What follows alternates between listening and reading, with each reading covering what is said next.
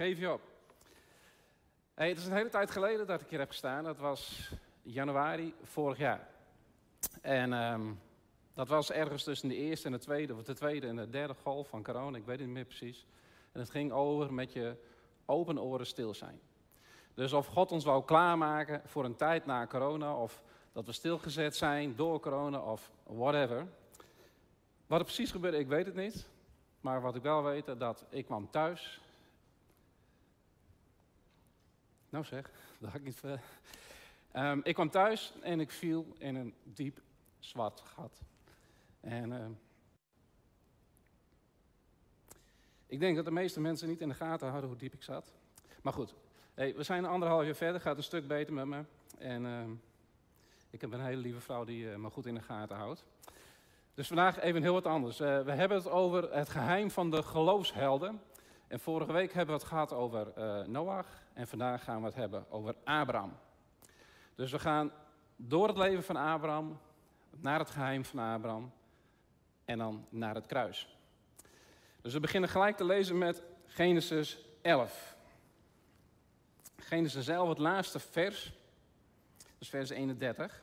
En Terach, dat is de vader van Abraham. En Terach nam zijn zoon Abraham en Lot, de zoon van Haran, zijn kleinzoon, en Zari, zijn schoondochter, de vrouw van zijn zoon Abraham. En hij deed een wegtrek uit Urdal Gedeën om te gaan naar het land Canaan. Maar ze kwamen te Haran en ze bleven daar. En de dagen van Terach waren 205 jaar en Terach stierf te Haran. Dan hoofdstuk 12, dat staat boven de roeping van Abraham. En de Heer nu zeide tot Abraham, ga uit uw land en uit uw maarschap en uit uw vaders huis naar het land dat ik u zal wijzen. En ik zal u tot een groot volk maken. Ik zal zegenen wie u zegenen en wie u vervloeken, die zal ik vervloeken. En met u zullen alle mensen, alle geslachten van de aardbodem gezegend worden. Dus de geschiedenis van Abraham die begint met het ene zinnetje hier in Genesis. Dit zijn de nakomelingen van Terach. En dat geeft ook gelijk al een kijkje in de situatie van het Oude Testament, want je leefde het leven van je vader. En het was de vader Terach die op een gegeven moment Urdel Galdeën verliet. Het is een land ver weg in het zuidoosten van het huidige Irak. En of Terach geroepen is, dat, dat lezen we niet. Maar we weten wel dat het God is die hen heeft geleid uit Ur der Galdeën. Met de bedoeling om Canaan in bezit te nemen. En dat staat ook precies in vers 31. Terach die verliet Ur, de stad der Galdeën. En samen gingen ze op weg naar Canaan. Dus het doel is duidelijk, Canaan. Wat we later ook wel het beloofde land noemen. Maar vervolgens staat er dat volgende zinnetje. Maar toen ze in Haran waren aangekomen, bleven ze daar wonen. Het klinkt zo onaf. Alsof het doel niet is gehaald. Terach die ging op weg naar Canaan, het land dat God aan Abraham wilde geven, maar kwam ergens halverwege uit in Haran. Wat ging er mis? Waarom Haran? Weet je, we lezen als Abraham later vertrekt naar zijn roeping, dan lezen we dat hij veel bezittingen, veel slaven en slavinnen heeft verzameld in Haran. Dus blijkbaar was Haran, dat was een goede plaats. Een plaats om, om rijk te worden, om je bezit te vermeerderen. Een comfortabele plaats. Maar Haran is niet Canaan. Haran, dat is niet de bedoeling. En misschien herken je wel een klein beetje wat hier gebeurt. Misschien ben je ook wel eens op weg gegaan. Was er ergens een, een ritseling in je ziel naar het beloofde land? Een God ingeademd verlangen naar meer van zijn geest, waar we het vorige week ook over hadden. Een geestelijk land van melk en honing, een geestelijk thuis. Misschien weet je en voel je dat er ergens een bestemming ligt waar je thuis hoort. Gods plan met jouw leven. Maar maar je woont altijd in Haran, want Haran is prima. Haran is een comfortabele plaats waar je bezit groeit. En laten we eerlijk wezen. Haran dat ligt dichter bij Canaan dan bij Urdel. Maar toch. Haran staat voor een leven dat stilstaat. Voor een onbereikte bestemming. Voor een geestelijk leven dat het allemaal wel prima vindt. Maar Haran is niet jouw bestemming. Haran is niet jouw land van belofte. Haran is niet Canaan. Weet je, we kunnen blijven steken in Haran. In onze veilige comfortzone. Maar ik bid dat God jou vandaag aanraakt. Dat hij door de rijen heen gaat. En dat hij jou stuurt naar jouw bestemming. Ik ben ervan overtuigd dat je hier niet toevallig bent. Misschien is het wel een goede gewoonte om hier iedere zondag in deze kerk te komen. Of in Heerenveen of online. Maar je bent hier en je zit hier. En God die roept je op vandaag. Om tot je bestemming te komen. Want hij heeft een plan met jouw leven. Hij kent jou door en door. Hij weet wat er in je hart omgaat. Al je haren op je hoofd zijn geteld. Hij kent je van binnen en buiten en hij wil met jou op pad gaan. Op weg naar Canaan, naar jouw beloofde land. En vanmorgen is de keuze in jou. Blijft het Haran of wordt het Canaan? Weet je, we willen toch niet eindigen zoals Terach eindigde, de vader van Abraham. Want Genesis 11 die sluit af met de dood van Terach. Blijkbaar is er niets meer te vertellen over Terach. Zijn er geen gebeurtenissen meer te noemen die de moeite waard waren vanaf het moment dat hij in Haran bleef wonen. En dat maakt ook direct het gevaar van Haran inzichtelijk. Weet je, Haran is het land waar je prima kan wonen, terwijl je geestelijk je graf aan het graven bent. Terach die stierf in Haran. En Abraham was een zet. Net zoals jij vandaag ook aan zet bent. Want God die wil tegen jou zeggen. Net zoals hij tegen Abraham zei. Trek weg uit je land. Verlaat je familie. Verlaat je naaste verwanten. En ga naar het land dat ik jou zal wijzen. Weet je, in deze moeilijke zin, die laat ook direct zien welke plaats God wil in het leven van Abraham, maar ook in het leven van jou. Verlaat je land, verlaat je naaste familie, verlaat je naaste verwanten. Wat bedoelt hij ermee? Verlaat Haran. En dit laat het fundamentele verlangen van God zien dat door de hele Bijbel terugkeert in alle verhalen. Ik wil jou tot God zijn. Ik wil jou. En dat was Gods drijvende verlangen in het scheppen van de mens. Dat is jouw reden van jouw bestaan vandaag. Het is Gods liefde in het geven van zijn zoon. Ik wil jouw God zijn. Ik wil jou. En ik kan jouw God niet zijn in Haran. Daar waar alles belangrijker is dan, dan Hij. Weet je hoe Jezus dat verwoordt? Dat staat in Lucas in Lucas 9. In Lucas 9 daar zegt hij, indien iemand, achter mij aan wil komen, indien iemand achter mij aan wil komen, die verloochenen zichzelf en neemt dagelijks zijn kruis op zich en volgt mij. Want een ieder die zijn leven zal willen behouden, die zal het verliezen. Maar ieder die zijn leven verloren heeft omwille van mij, die zal het behouden. Wat heeft de mens eraan als hij de hele wereld wint, maar zichzelf verliest en schade toebrengt? Weet je, vergeet die eerste moeilijke zinnen maar even, maar onthoud dit. Wat heeft de mens eraan als hij de hele wereld wint, als hij heel Haran wint, maar zichzelf verliest en schade toebrengt? En Abraham gaat. Abraham is bereid om zijn leven te verliezen. Hij is bereid om Haran achter zich te laten en op weg te gaan naar Canaan. Blijft het Haran of wordt het Canaan? Weet je, het leven van Abraham, dat kun je, tenminste vind ik, een beetje samenvatten tussen de hoofdstukken 11 en hoofdstuk 22. En als we dan naar hoofdstuk 22 gaan,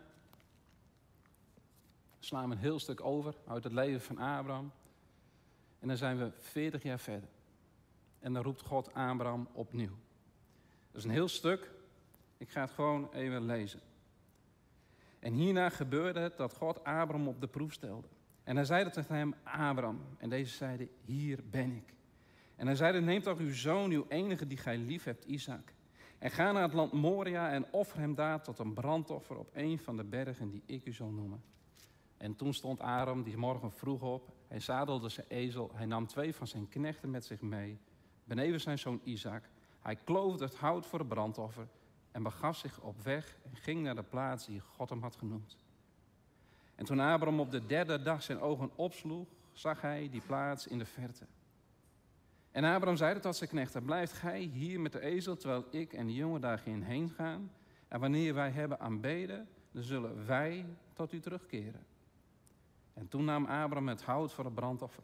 en legde het op zijn zoon Isaac. Hij nam het vuur en het mes met zich mee. En zo gingen die beiden tezamen. En toen sprak Isaac tot zijn vader Abraham en zeide: Mijn vader. En deze zeide: Hier ben ik, mijn zoon. En zei: Hier is het vuur, hier is het hout. Maar waar is het lam voor het brandoffer? En Abraham zeide: God zal zichzelf voorzien van de lam en brandoffer, mijn zoon. En zo gingen die beiden tezamen. En toen ze aan de plaats waren gekomen die God hem had genoemd, bouwde Abraham daar een altaar. Hij schikte het hout en hij bond zijn zoon Isaac en legde hem op het hout bovenop het altaar. En daarom strekte Abraham zijn hand uit. Hij nam het mes om zijn zoon te slachten. Het staat er echt, hè? Om zijn zoon te slachten. Maar de engel van de Heer die riep tot hem vanuit de hemel en zei: Abraham, Abraham. En hij zei: Hier ben ik.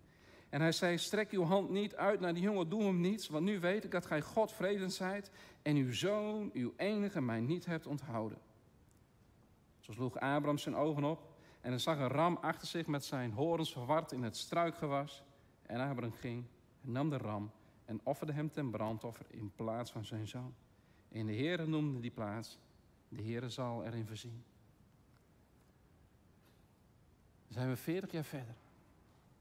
En God hier roept Abraham opnieuw. En Abraham zegt, Henini. Dat betekent Hebreeuws Heer, hier ben ik. En dan vraagt God het onmogelijke. Hij vraagt om zijn zoon, zijn enige, zijn geliefde, om die te roepen en naar een berg te gaan die hij hem zal wijzen om daar Isaac te offeren. Kun je dat voorstellen? Dus 40 jaar hiervoor, dan krijgt Abraham die krijgt een roeping om Haran te verlaten en op weg te gaan naar Canaan. Ja, sterker nog, wij weten dat het Canaan is. Maar Abraham die wist dat niet. Het was een plek die ik je zou wijzen. Na 40 jaar is hij daar in Canaan vraagt God offer je zoon. In plaats dat hij zegt, ja kerel, het is 40 jaar geleden, sorry, ik had het een beetje druk, hoe gaat het met je? Nee, offer je zoon. Offer je zoon. Nou, ik weet niet hoe het jou vergaat als je die opdracht tot je door laat dringen. Maar voor mij zou het genoeg zijn om mijn Bijbel op de grond te gooien en mijn geloven naast. Want een God die zulke onmogelijke dingen vraagt is voor mij niet te rijmen met de God van liefde. En Abraham doet wat hij altijd deed als God het hem gesproken had. Hij gehoorzaamde en zo snel mogelijk. En de volgende morgen stond Abraham vroeg op. Hij nam twee van zijn knechten, zijn zoon Isaac en een ezel, en hout mee. Hij ging dus naar het gebied waar die berg Moria lag. En dan ongetwijfeld de drie moeilijkste dagen uit het leven van Abraham, dan staan ze daar aan de voet van die berg. En dan vraagt Abraham aan zijn knechten om bij die ezel te blijven. Weet je, misschien wilde Abraham wel niet dat zijn knechten getuigen zouden zijn wat er bovenop die berg ging gebeuren. Misschien was die berg wel te stijl voor die ezel. Maar hoe dan ook, de woorden die Abraham spreekt, die zijn behoorlijk opmerkelijk. Blijven jullie hier met die ezel? Ik zelf ga met mijn zoon, met, met Isaac, daar ginds om neer te knielen. En daarna komen wij weer bij jullie terug. hoe kan dat nou? God die vroeg aan, aan Abraham zijn zoon te offeren daarboven op die berg. En wat zegt Abraham? Daarna komen wij weer bij jullie terug. Dat woordje wij, is dat een blijk van vertrouwen of geloof? Is het een smeekbede? Is het de profetie?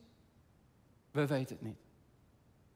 Maar Abraham die legt het hout op de schouders van Isaac. Hij neemt het vuur en het mes en zo gaan die beiden tezamen.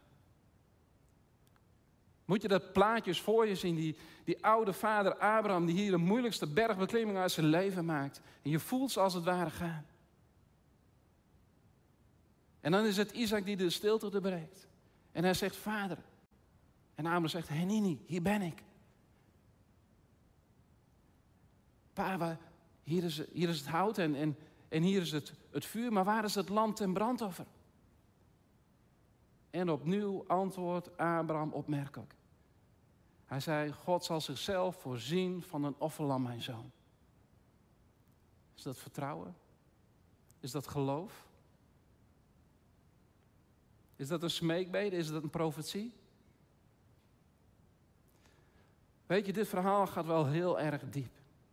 ik zal je Abrahams geheim verklappen, het geheim van Abraham.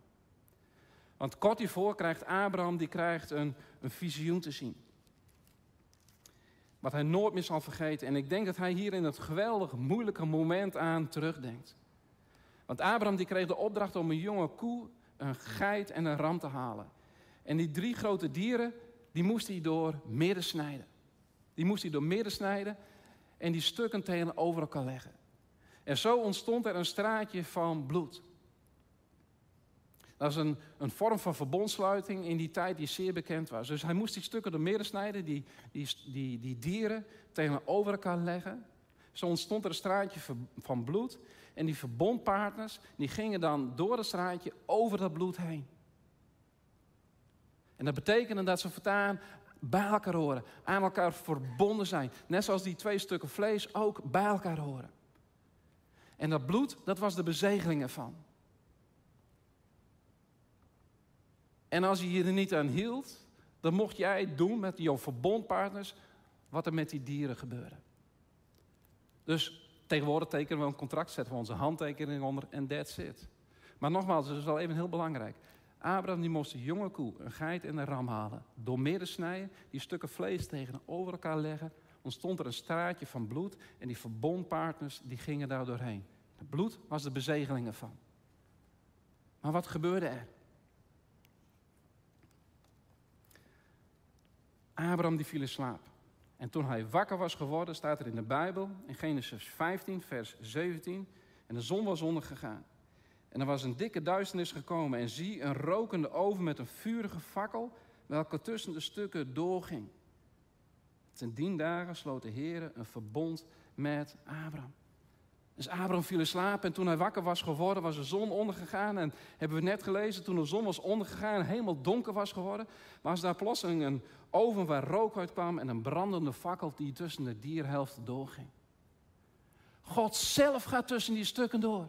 Dat is het beeld wat Abraham ziet. God zelf gaat tussen die stukken door, helemaal alleen. Dat is het visioen dat Abraham ziet. God die sluit daar een verbond met Abraham, een genadeverbond. Dus daar waar normaal gesproken twee over het straatje met bloed heen moesten gaan, ging God nu alleen. En dat verwijst natuurlijk al naar het kruis.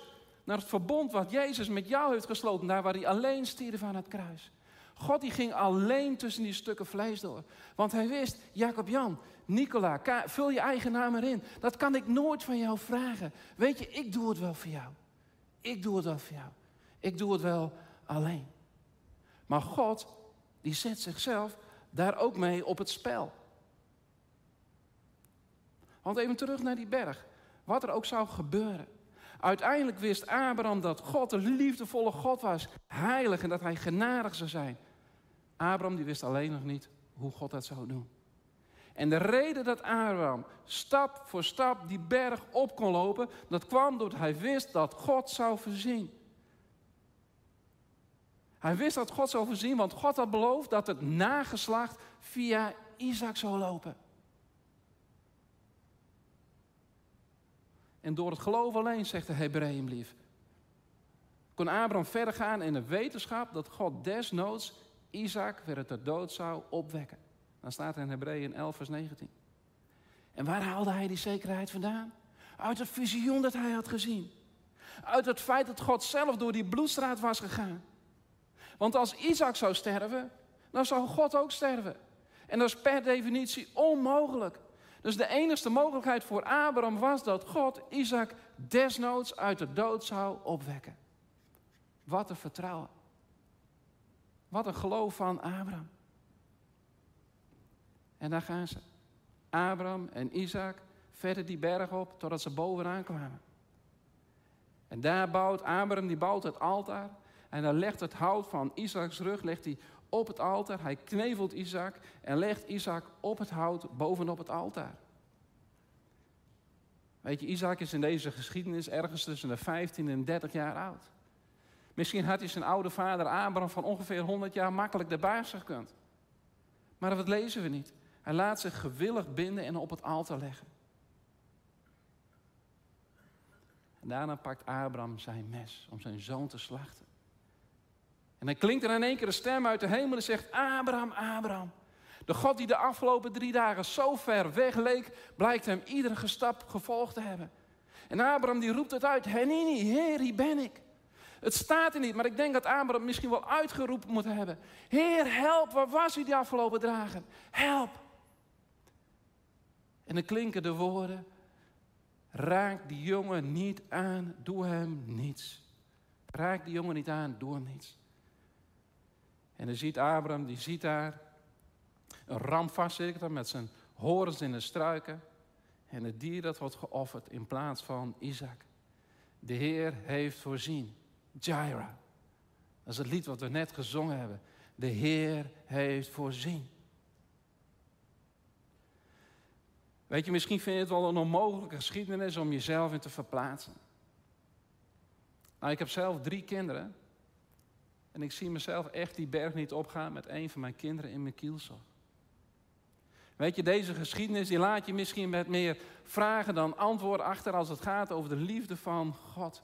Maar als dat zo is, als dat zo is, denk dan aan die ander met een hoofdletter. Die ander die die heuvel moest beklimmen met het hout op zijn rug. Die ander die zich gehoorzaam liet binden tussen hemel en aarde. Dat andere offer dat gebracht werd. Weet je, toen klonk er geen stem uit de hemel. Raak die jongen niet aan, doe hem niets. Toen was er geen plaatsvervangend ram in de struiken. Nee, toen was het stil. Doodstil. En dat gebeurde voor jou en voor mij. Weet je wanneer God tot ons komt? Dan komt Hij door de bloedstraat. En dat is niet het bloed van een koe, een geit of een ram. Nee, dat is het bloed van zijn eigen zoon. Jezus, het lam van God. Op Golgotha is God nog dieper afgedaald dan, dan bij Abraham. Want op Golgotha ging God niet tussen de stukken door. Nee, ging hij zelf aan stukken. Christus werd geslacht als offerdier. Jezus liet zijn vlees verscheuren en zijn bloed vergieten om onze zonde te dragen. Onze mislukkingen. Al ons verdriet, al onze pijn, al onze moeite, al onze vragen, al onze shit. God heeft zijn zoon niet gespaard, maar hem voor ons allen overgegeven. Als een lam dat heeft voorzien in onze redding. Zouden jullie willen gaan staan?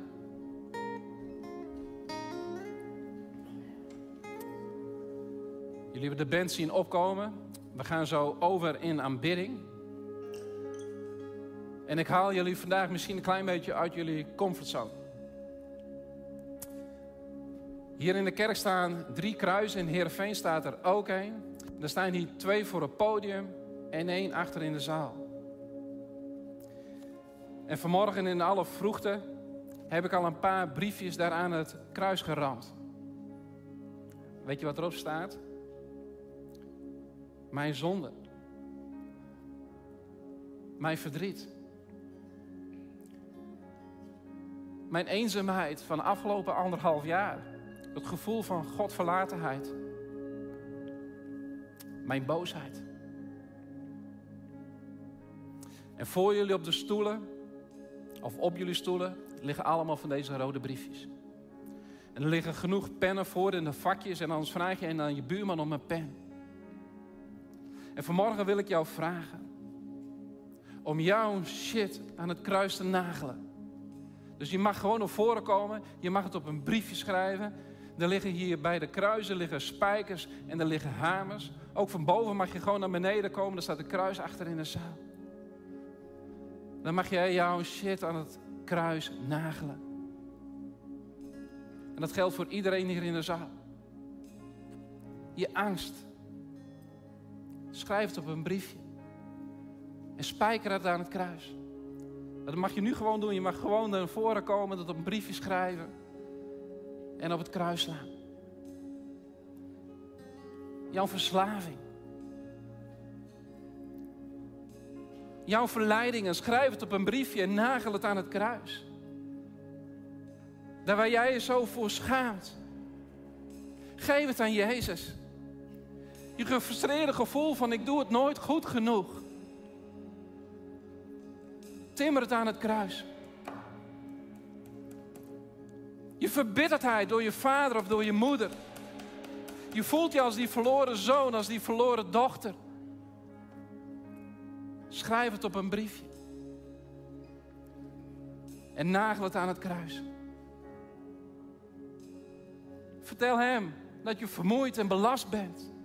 En dat je op zoek bent naar rust en vrede. Jouw verdriet. Jouw zorgen. Jouw pijn. Dat wat door corona is stuk gemaakt. Verdeeldheid in je gezin, in je familie. Scheiding. Teleurstellingen. Weet je, Jezus zegt in de Bijbel, daar waar twee of drie in mijn midden zijn, of in mijn naam vergaderd zijn, daar ben ik in het midden. Dus Jezus zegt, daar waar twee of drie in mijn naam vergaderd zijn, daar ben ik in het midden. Weet je wat betekent? Jezus is hier. Jezus is hier in deze zaal. En hoe moet het nu voor Jezus zijn dat Hij hier op, op deze berg staat? En hij staat hier niet alleen, hij is ook samen met jou opgeklommen deze berg op. Samen met jou door het leven heen geklommen. Net zo'n berg waar hij zelf is opgeklommen met dat hout op zijn rug. Met dat kruis op zijn rug. Het kruis waar hij zelf is aan genageld voor jou. En hij staat hier nu en hij ziet het kruis. Maar dwars door het kruis heen ziet hij jou. Want hij houdt van jou. Hij verlangt naar jou. Wie ben ik? Zegt Jezus in de Bijbel. Ik ben de gekruisigde. Ik ben de gezalfde. Ik ben de koning. Ik ben de geliefde. Ik ben de zoon. Ik ben, ik ben die die uit de hemel is gekomen voor jou. En wie zegt jij dat ik ben? Wie zegt jij dat ik ben? Als je al een radicale keuze wil maken in jouw leven, dan is misschien vandaag wel het moment om Haran achter jou te laten. Want hij ziet jou staan, hij wacht met wijd open armen op jou. En hij roept jou op om jouw leven te geven aan Jezus. Om Hem te beleiden. Om Jezus te beleiden als Heer van je leven. Om misschien voor het eerst in je leven al uit te roepen Hem. Heer, ik heb je nodig. Heer, ik hou van u. Als dat zo is, dan wil ik je vragen om alleen je naam op een briefje te schrijven. En om mijn part vouw je een dubbel. En nagel je die aan het kruis. Dus voor al die mooie mensen hier in de zaal, die hun leven willen geven aan Jezus, die willen zeggen: Ik wil bij Jezus horen. Ik wil niet dat de dood het laatste hoofdstuk is in mijn leven, net zoals Terach, de vader van Abraham. Ik wil dat eeuwige leven. Ik wil zekerheid hebben van mijn redding. Ik wil zekerheid hebben van vergeving. Als dat jouw verlangen is, dan wil ik je vragen om naar voren te komen je naam een briefje te schrijven en aan het kruis te nagelen.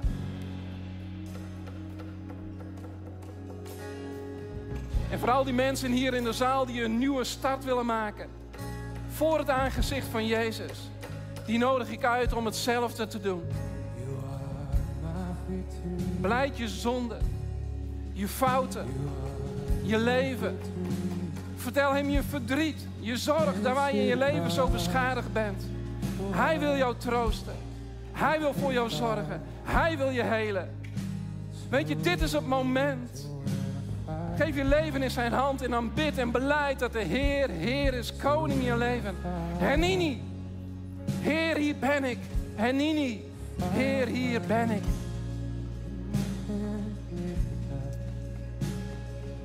We gaan zo over in aanbidding, maar ik wil je gewoon uitnodigen om dit gewoon te blijven doen. Dus tijdens de komende nummers dan mag je gewoon naar voren komen.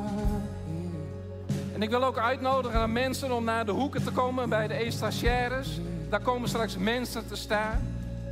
En als je nazorg wil hebben of als je wil bidden of hierover door wil praten, dan kan dat. En ook na de dienst overigens. We gaan eerst over de aanbidding en dan sluit ik het zo af.